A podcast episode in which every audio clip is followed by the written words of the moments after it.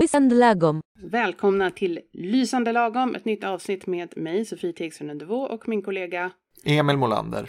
Men du, jag har eh, fyra fördomar om eh, folk som kommer från Polen. Mm. Eh, eller för det första, så, nu hörde du att jag sa folk från Polen. Vi har ju ordet polack i svenska. Som eh, är det ord som vi använder för folk från Polen. Men jag är alltid lite försiktig med det därför att en del blir förskräckta om man säger polack. Okej. Eftersom på både engelska och tyska så är det ett nedsättande ord. Okej, så det är inte det man, man kallar en person från Polen om man vill vara snäll mot dem?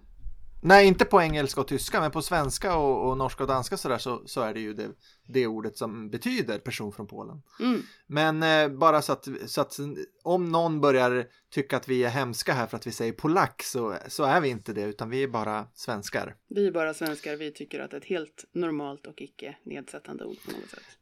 Ja, men jag har fyra fördomar. Mm. Nu får du göra en liten plingeplong och säga fördom 1. Fördom 1. Om du är en kvinna från Polen som är vuxen så heter du antingen Katarzyna eller Małgorzata. Det finns nästan inga andra namn. Jo, det finns ett till. Sylvia.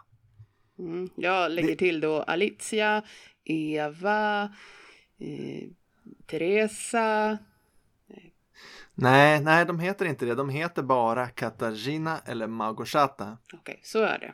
Mm. Eh, men det, jag har ju märkt att eh, det är många som, eh, som eh, vill göra en liten svensk variant av sina namn. Har du också upptäckt det? Om man inte heter eh, liksom Eva som, som ju funkar Mm. rakt av. Många som heter Katarzyna, Katarzyna stavas Z-Y-N-A, säger då att ja, men jag heter Katarina. För att Mm. det går smidigare och så är det väldigt pragmatiskt. Men problemet uppstår ju om man heter Małgorzata. Precis, vad ska man kalla sig då? Ja, jag har, alltså jag har sett folk som har testat att säga hej jag heter Margareta. Mm. Men det funkar lite dåligt. Mm. Ja, okej. Ja. Nej men för att det funkar ju dåligt eftersom vi tror inte att någon som, som kommer från ett annat land kan heta Margareta. Ja, Ja, okej, det känns väldigt svenskt, liksom Margareta här.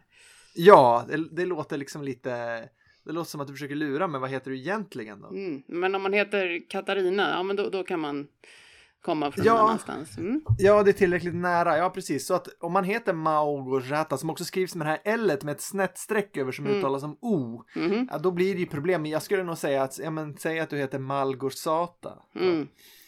Men sen finns det en massa smeknamn också på det namnet som, som ju funkar. Men de är inte så liksom lätta att förstå för oss att den som heter Gosha, det, att det betyder Małgorzata. Nej. Ja, ja. Det var fördom ett alltså, att alla kvinnor Mm. heter likadant. Då Ja. kommer vi till fördom två. Pling! Eh, jo, fördom två är att om du är en polsk kvinna i Sverige så har du lärt dig svenska ganska bra. Alltså, du pratar bra svenska, du är liksom en integrerad del av samhället. Men din polska man har det lite svårare. Ja, du med om ja, jag kan nog faktiskt skriva under lite på det. Med tanke på dem jag har träffat så, så brukar polska kvinnor vara väldigt, väldigt, väldigt, väldigt bra på svenska och Mm. tar det på väldigt stort allvar. Och med polska män har jag nog sett lite allt möjligt. Det är lite kanske mer Ja. spridd eh, språknivå där. Jag håller med, alltså jag har haft polska män mm, som också lyckas jättebra såklart. Men också många som har haft det ganska svårt. Mm. Så, men det är en fördom alltså. Och fördom betyder ju att jag vet att det här inte stämmer, att jag bara är det är- fördomsfull. Okej, då kommer vi till fördom nummer tre. Ja, och den här kan vi kolla om den stämmer nu när vi ska lyssna på en, en polack med brytning här. Men det är ju så här, om du är från Polen och har lärt dig svenska som vuxen så har du svårt med mm-ljudet. Du säger inte säng, du säger sänk. Och du säger penkar istället för pengar. Håller Och- du med? Va? Jag tyckte du sa u-ljudet och sen började du prata om... Nej, jag sa mm-ljudet. NG, ljudet, ja. äng-ljudet. Äng. Mm. Jag kan inte skriva under på det från de, de som jag har undervisat, men vi får se när vi lyssnar. Det är ganska mycket av det som är språkligt svårt för den som är från Polen som är gemensamt med många som har slaviska första språk. Eh, till exempel om du har ryska som första språk så, så kan det vara ganska mycket som, som är likt. Eh, och jag hade en, en rysk eh, kvinna på kurs som hade väldigt mycket problem med det här med nk och Mm. med kraftiga r sådär hela tiden. Och ehm, vi, vi hade någon liten, jag försökte liksom få henne att tala lite mjukare för det kan ju låta ganska hårt om man säger sänka punkar. Ja, så att jag försökte säga så här, men du ska vara lite som en, som en ängel som flyger eller något sånt där sa jag. Och hon sa, nej, jag är ingen ängel, jag är mer en hockeyspelare. Lite hårdare stil. hårda puckar. Men jag hade en annan polsk kvinna som hade mm, svårt med ng-ljudet. Mm. Och då försökte jag på kursen så här, men eh, försöka hitta, man, du vet man, när man övar uttal så försöker man hitta olika kombinationer där, där Där det det här funkar. ljudet passar bättre. Ja, någon vokal för eller någon annan. Men om du säger bank, går det lättare då? Peng eller någonting sånt. Och jag testade alla möjliga, det blev alltid k, k, Tills jag sa så här, men kan du säga pingpong? Ja. Och då sa hon, ja, pingpong. Ja. Ja, ja, där, du kan det, du kan det. Och då sa jag till henne, här, men tänk att du ska säga pingpong varje gång som du ska säga mm, pengar. Och då, då var hon tyst en stund och så funderade hon och sen så sa hon, pengar? Ja, Ja. det kunde hon plötsligt. Det var sådana här eh, halleluja-ögonblick. Sen så är det inte säkert att det lyckades i alla sammanhang, men om man har något sånt där som man kan tänka på så brukar det hjälpa en del. Mm. Ja, men det är, ett, det är ett jättebra tips för alla, som undervisar där om, om, om ni inte har listat ut det själva redan. Att försöka hitta. Jag vet att jag använt mig av ordet sushi några gånger där man har liksom väldigt svårt att säga ord som särskilt till exempel. Att liksom Mm. kunna växla mellan ett s och ett s, ett sh. Eh, sushi är ett sånt där ord som finns i jättemånga språk och som de flesta kan liksom uttala rätt okej. Och då kan man Mm. använda det sen eh, i vissa svenska ord. Ja, och jag hade en som hade svårt med U, men om man sa ett M för om man skulle säga mur, ja då Mm, hade han munnen spänd på rätt sätt, så då, då kunde han säga U. Så att det där, ja, okej, min sista fördom. Ja, fördom 4. Om du är en vuxen polsk kvinna så åker du regelbundet till Polen och det du gör när du är i Polen är att du går på skönhetssalong.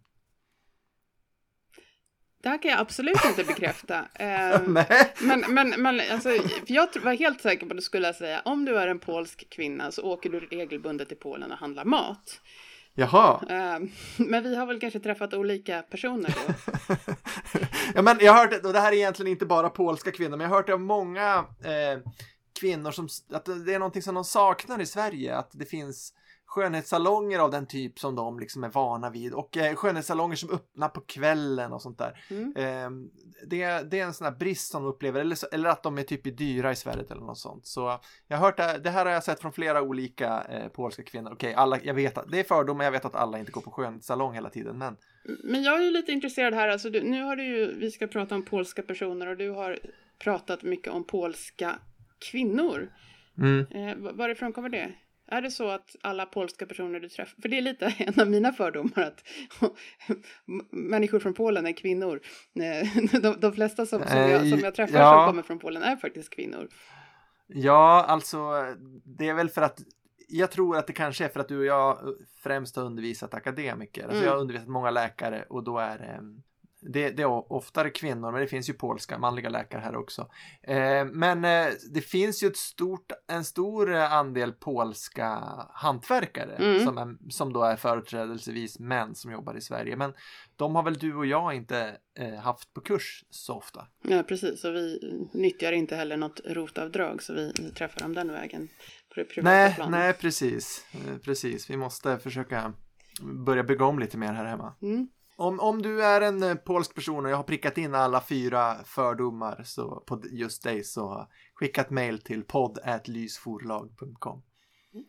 Eh, nej men alltså min, min, när jag tänker Polen och polska personer och polska personer på kurs då blir jag väldigt glad. Det, Mm. det är jätteroligt, jag älskar det här när man ska liksom börja en kurs och så ser man det här, här är en person som har, verkar ha ett polskt namn. Då, då, är man, då kan jag nästan vara helt säker på att det här kommer bli en riktigt bra kurs.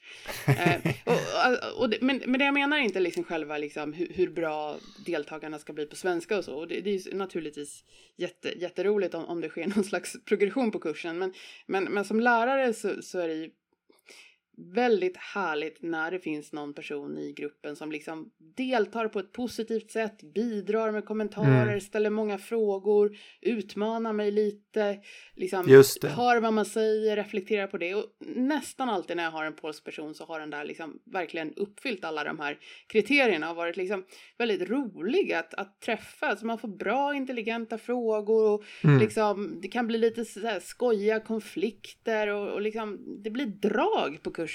Mm, jag håller med. Men hur är det då att lära sig svenska om man kommer från Polen? Vilka utmaningar ställs man för? Vad, vad har man liksom lite förspänd för sig? Vad, vad...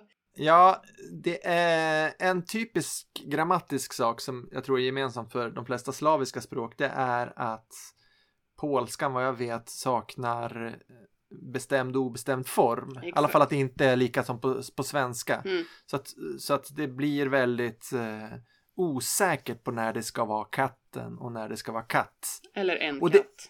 Eller en katt, ja. Och det där är ju lite lurigt på svenska också. Man kan säga jag har katt och man kan säga jag har en katt. Mm. Men man kan inte säga jag har katten. Mm. Men man säger katt, katten är hungrig, man säger inte katt är hungrig. Nej, Mm. precis. Och, det, och det, det, det är ju li, lite lurigt på svenska som det är. Och har man det inte alls i sitt modersmål, då blir det ju ofta svårt. Sen så har ju polska rent uttalsmässigt eh, ganska många sådana här ske-ljud som är både tonande och tonlösa. Eh, och kan kombinera ganska många konsonanter på olika sätt som vi inte gör i svenska. Så att eh, just ske-ljuden, det brukar inte vara svårt. Men som sagt då, ng-ljudet, ng-ljudet brukar ju vara lite klurigt. Mm.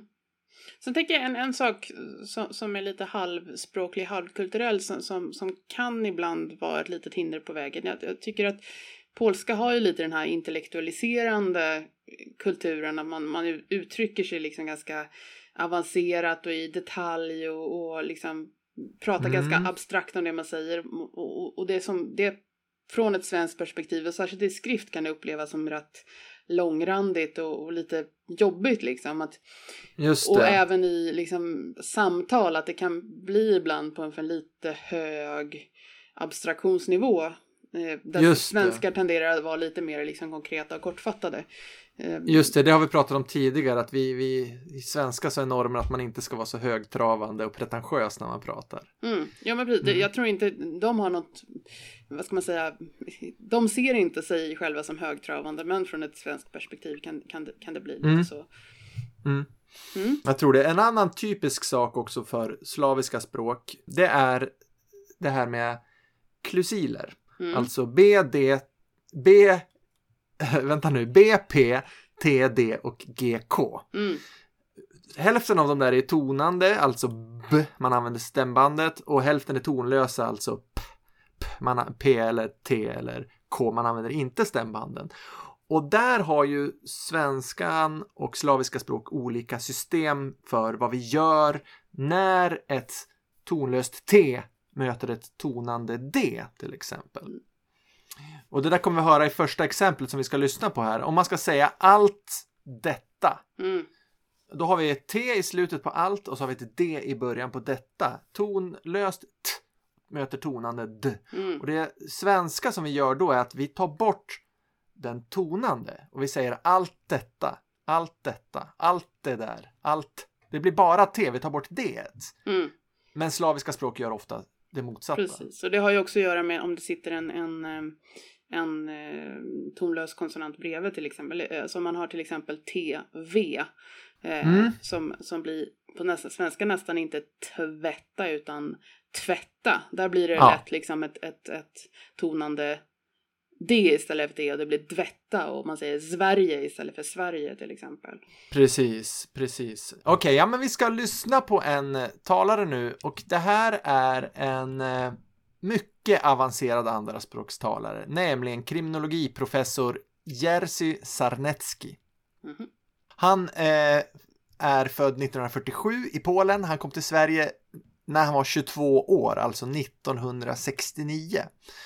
Så han har ju bott väldigt länge i Sverige. Han är ju så, har kommit så liksom högt akademiskt som man bara kan i Sverige. Han är fortfarande aktiv fast han är långt över 70.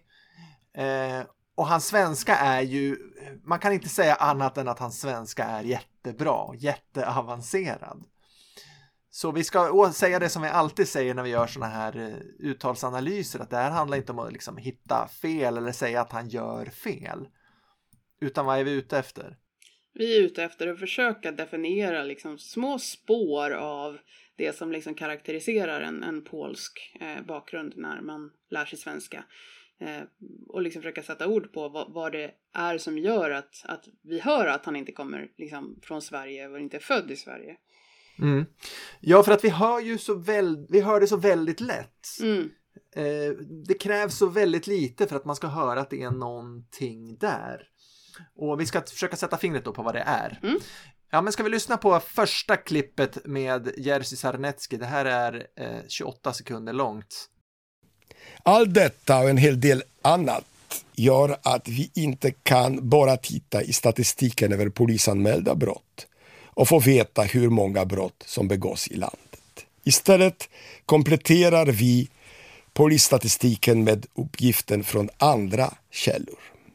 Till exempel dödsorsaksstatistiken som ger oss möjlighet att beräkna antalet mord, dråp och misshandel med dödlig utgång. Vad har du att säga här då? Ja, vi kan säga flera saker. Alltså det kanske man, som man lägger märke till om man pratar om liksom enskilda ljud, det är till exempel hans A-ljud när han säger bara och antal. Då blir det inte det här liksom typiska långa A-ljudet utan mer ett A-ljud, alltså Mm. mer, mer öppen. Man säger bara och antal. Jag ty- ja, ja, precis. Jag tycker det är intressant med hans A. Vi ska höra det på den, det tredje klippet med honom också. Där, det känns som att han eh, ibland tänker på det och gör, och gör A. Och ibland tänker han inte på det och då blir det A. Mm. Så eh, det är ganska intressant hur, hur han gör med det. Eh, jag reagerar också på att de två första ord han säger är just det här. Han säger allt detta och det låter som all detta. Men eh, det, går- förbi ganska snabbt så man, man kanske inte märker det. Eh, en annan sak som han gör är ju det här med vokalerna, att han ibland gör dem lite för korta. Mm. Istället för begås, så säger han begås. och istället för- Beräkna. Ja, och istället för eh, dråp så säger han dropp. Dropp. Och där tycker jag kanske är det, det är liksom allvarligaste. Där, där låter det, dropp är ju ett annat ord som finns. Så det är, och det är ganska stor skillnad på dropp och dråp. Så att där är det väl liksom eh, möjligtvis att man, man kan liksom klaga på det här. Mm. Ja, men jag, jag, tycker också, man, man hör på vissa ljud och jag tycker till exempel i hans U-ljud och kanske Mm. framförallt de, de här korta som i Mm. uppgifter, då blir det mera uppgifter. Ja, Men samtidigt klassiskt. när han säger utgång så är det helt liksom Ja. perfekt. Eh, Han, han varierar ju lite mellan liksom ett infött uttal och ett uttal Mm. som är lite mm, annorlunda. Men, jo, men precis. Men sen är det ju också liksom själva betoningen och att, att liksom mm. hans melodi, det är ganska hackigt från, från ett svenskt perspektiv. Det har inte det här liksom jag brukar säga när jag undervisar att svenska ska vara liksom utan det är mera hackar det sig fram och betoningen blir inte riktigt rätt. Nej, precis. Alltså jag, jag tycker man kan ha ganska mycket överseende med det så länge det är det ändå flyter på. Det flyter på. Men, men absolut, det där är en sak som gör att man hör att det är någonting. Liksom. Mm.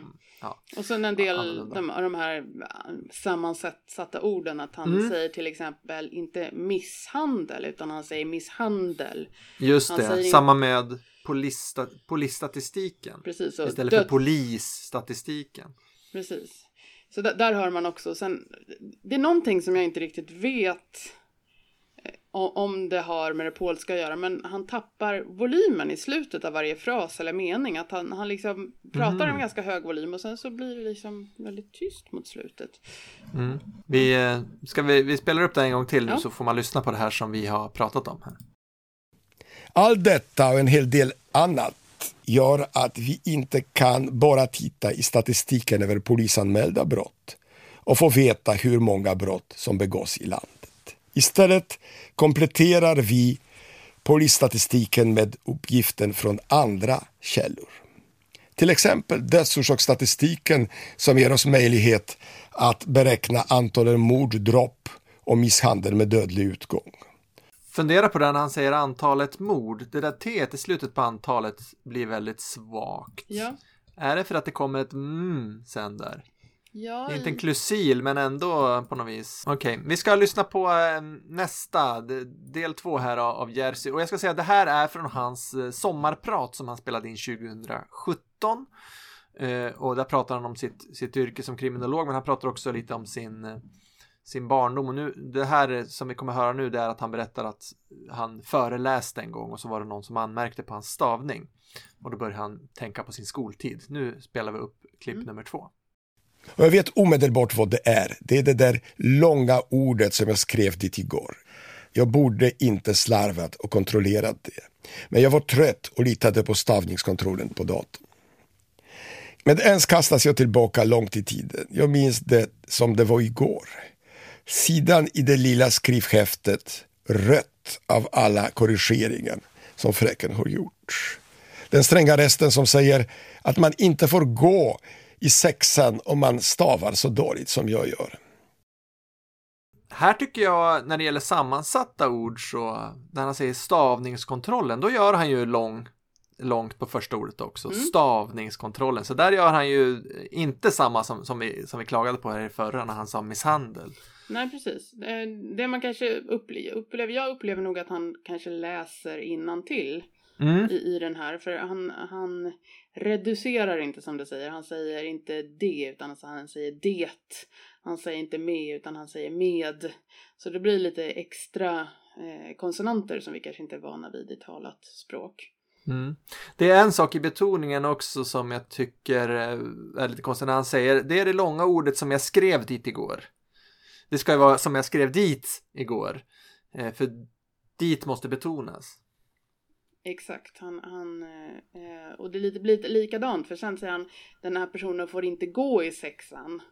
Att, att fröken säger, men jag skulle nog Mm. sä- säga hellre att han inte får gå i sexan. Så där blir Ja. betoningen inte riktigt. eh, Ja. Men, men jag tror att det kan ha att göra kanske med att han läser ett Mm. manus och då, då kan man ju lätt hamna fel sådär. Mm.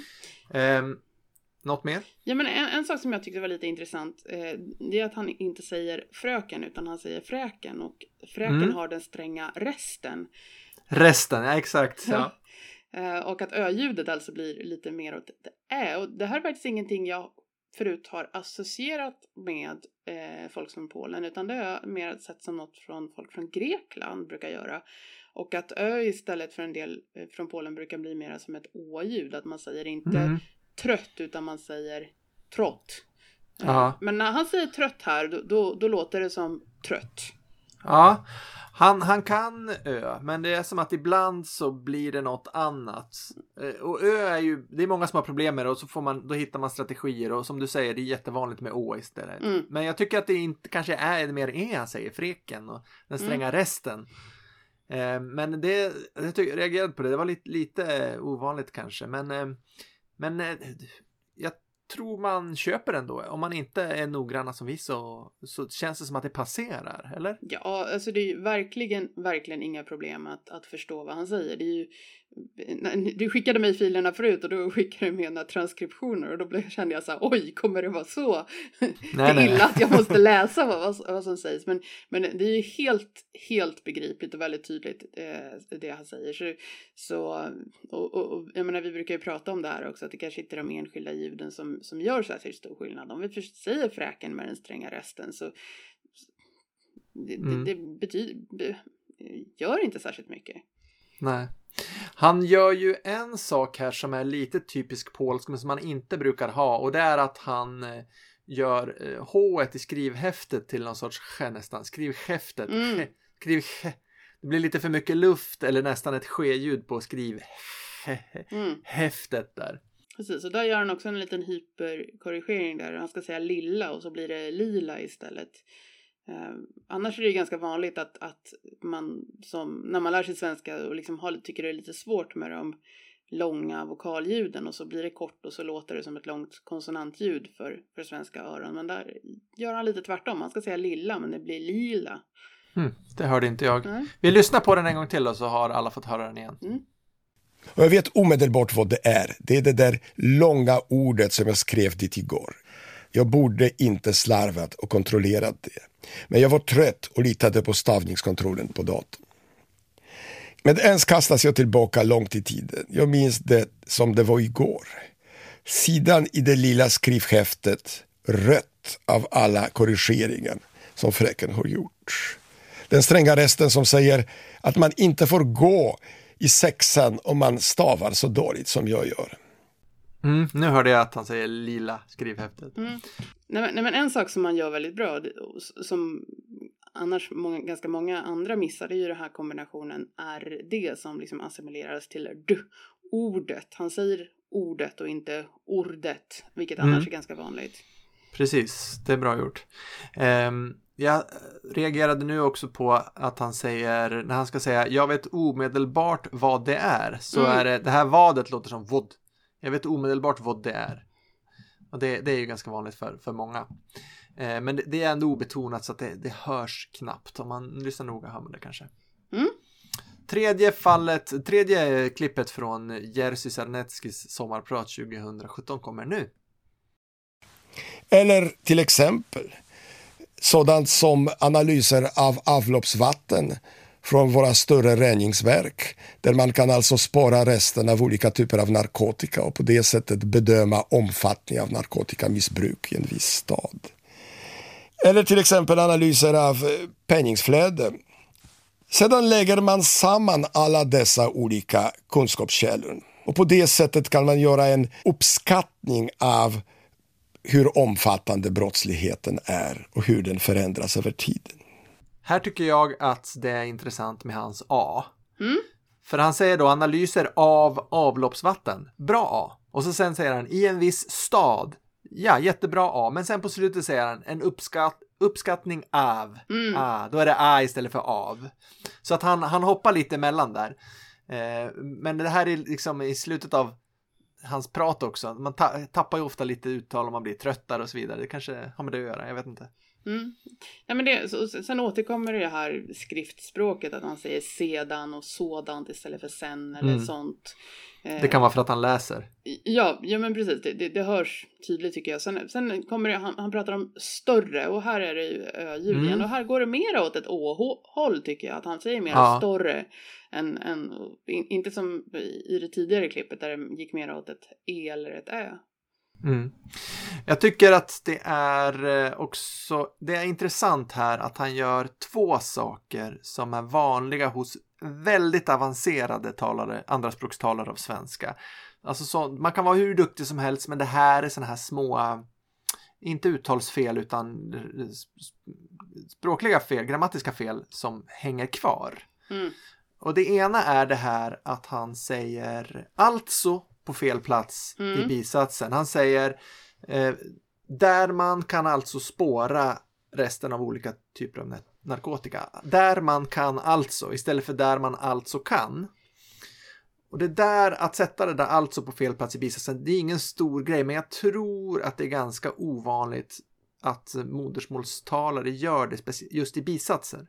Alltså det är en, jag, jag känner en del som är andraspråkstalare på en hyperavancerad nivå kan man säga då.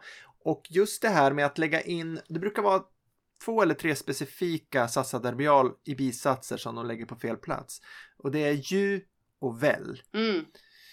Eh, Och det är ju, bara att använda dem, liksom, då, är man, då är man på ganska avancerad nivå för att nybörjare säger aldrig ju eller väl. Eh, Men i bisats att, att, att säga till exempel som de har ju köpt på stan. Mm. Som de har ju köpt på stan. Eh, Det, det har jag hört av, av flera sådana här superavancerade andraspråkstalare. Precis, och det är väldigt krångligt tror jag att, att kunna liksom först identifiera de här satsadverben som satsadverb och förstå sen att, Mm. de ska, att de ska vara på en annan plats än en bisats och sen också liksom få, få det att flyta på i, i. Ja, ja, men och det är ju lurigt för att ibland så, eh, ibland och med vissa satsadverbial så gör det inte så mycket om de hamnar på rätt plats. Till exempel så gjorde ju han samma sak i det första klippet vi lyssnade på. Vi kommenterade inte ens på det. Han säger eh, det gör att vi inte kan bara titta i statistiken. Mm. Att vi inte kan bara titta. Ja, men det går ju faktiskt med bara att sätta det så där fast det formellt är fel ordföljd i en bisats. Att vi inte bara kan titta ska det ju vara då rent formellt sett. Men med just bara så går det att flytta på det. Mm. Ja, nej men eh, det, det är några små saker här som man märker. Alltså, lite som jag sa i början så, så kanske det ibland blir det lite för, jag, jag, tycker när han pratar i den här början till exempel som han analyserar avloppsvatten från våra större reningsverk där kan man kan spåra rester av olika typer av narkotika på det sättet bedöma omfattningen av narkotikamissbruk i en viss stad. Jag skulle nog försöka mm. korta ner det där och göra det lite eh, kortare. och kanske du, du, göra du skulle vilja klarspråka? Jag skulle vilja klarspråka honom lite. Um, ja. Mm. Men är man universitetsprofessor då, så kanske... Då får man, då får man prata på ja. det sättet. Ja. Det andra som man gör som jag tycker man kan se kvar rester av även hos väldigt, väldigt avancerade andraspråkstalare det är att han säger penningsflöde. Mm. Han gör ett foge S i, det ska ju vara penningflöde. Mm. Och, hu och, och där... hur vet man det, Emil? Hur vet man att det ska vara ja. penningflöde och inte penningsflöde? Det vet man inte. alltså, vi har ju en regel som säger att om det är två ord som vi binder ihop så ska det inte vara ett S. Det heter till exempel järnväg, inte järnsväg. Men om vi binder ihop ett tredje ord, då ska det vara ett S. Det heter järnvägsstation. Mm. Men den där regeln stämmer ju inte, för ibland ska det vara ett S ändå. Till exempel så heter det köksbord och inte kökbord. Mm. Och varför ska det vara penningflöde och inte penningsflöde? Ja, Eller det, det där är penningaflöde. Ja, ibland har vi andra, andra eh, ord som vi lägger in där. Eh, andra eh, fogbokstäver som vi lägger in. Det heter gatu, kök istället för gata, kök eller sådär. Eller gatlykta kan det bli också. Så att det där hur vi sätter samman orden är ju jätte jättekrångligt. Och just det där, ska det vara S eller inte, det tror jag många väldigt avancerade andra språkstalare kan vara osäkra på. Mm. Och det förlåter vi dem för, för det Ja. Jag, jag, brukar nästan säga så, liksom, om, om någon gör ett fel som jag inte kan förklara, då, då, mm. då, då, då har jag väldigt stor sympati för det. Precis, ja det finns inget bra skäl till att det ska vara penning, penningflöde och inte penningsflöde. Ja. En sista sak som Jersey gör det är att han har en sån här liten hyperkorrektion kanske av vokaler. Vi sa ju i början här att han gör korta vokaler där det ska vara långa. Han mm. säger begås till exempel och dropp. Men han gör tvärtom också här. Han säger inte bedöma utan han säger bedöma. Han säger saman istället för samman. Precis, och det är väl lite likadant som det här lila skrivhäftet i, mm. i det andra klippet vi lyssnade Just det, precis. Jag tycker det är ganska intressant för att vissa stycken, några sekunder så låter han helt eh, som en modersmålstalare tycker jag. Mm. När han säger och på det sättet.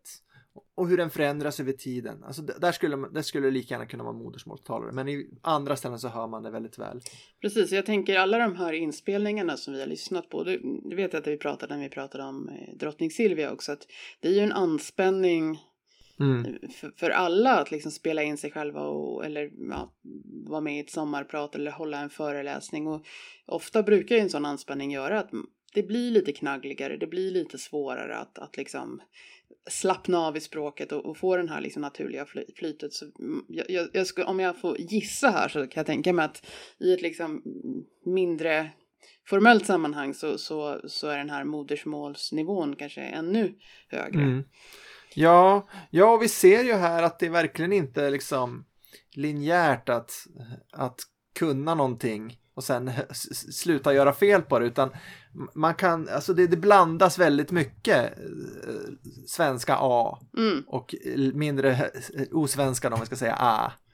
Det, det blandas och liksom det är jättemycket som är superbra och sen kommer det liksom att han säger dropp istället och så där tror jag det är för, för alla som lär sig ett språk och, och det är därför man kanske inte ska vara så hård och döma den som, som har lärt sig språk på en hög nivå. Även om det kommer ett ganska banalt fel. Mm. Så betyder inte det att personen är på en banal nivå, en låg nivå, utan det kan komma, det finns rester kvar av ganska enkla saker som man kan råka göra fel på ibland. Ja men precis, det, det, vi, vi har sagt det förut och jag tycker vi måste säga det igen. Det här är ju liksom en, en han har ju gjort ett enormt jobb att lära sig liksom en fantastisk svenska. Och det är ju fullt, fullt begripligt och det är liksom nyanserat och så vidare. Så, så eh, tol- Ja, det finns inget att klaga Nej. på så. Alltså, det, vi, har ingenting, vi har ingenting emot liksom Jerzy Sarneckis sätt att använda svenska språket. Utan det vi gör här är bara att titta på vad det är som gör att vi kan höra att det är, att det är en brytning. Att Mm. han, att han är, har växt upp i, en- ett annat språkområde. 22 år var han när, när han kom till Sverige alltså Mm. och började lära sig svenska. Tack till alla som lyssnar på Lysande lagom och som hör av sig till oss. Om ni vill hjälpa oss så finns det några sätt. Till exempel så kan ni sätta ett betyg på den här podden i Spotify eller i Apple Podcasts eller var ni nu lyssnar. Eh, Det hjälper oss att få fler lyssnare. Man kan också i, har jag sett nu i Spotify så kan man skriva en liten kommentar i själva Spotify-appen Mm. till oss. Det är roligt, tycker vi. Mm.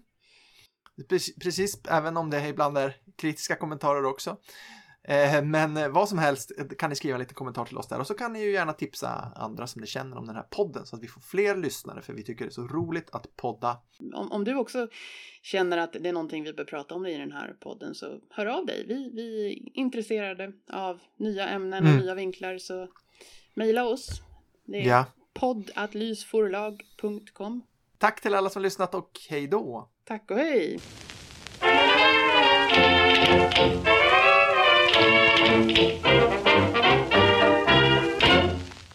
Łysandlagom.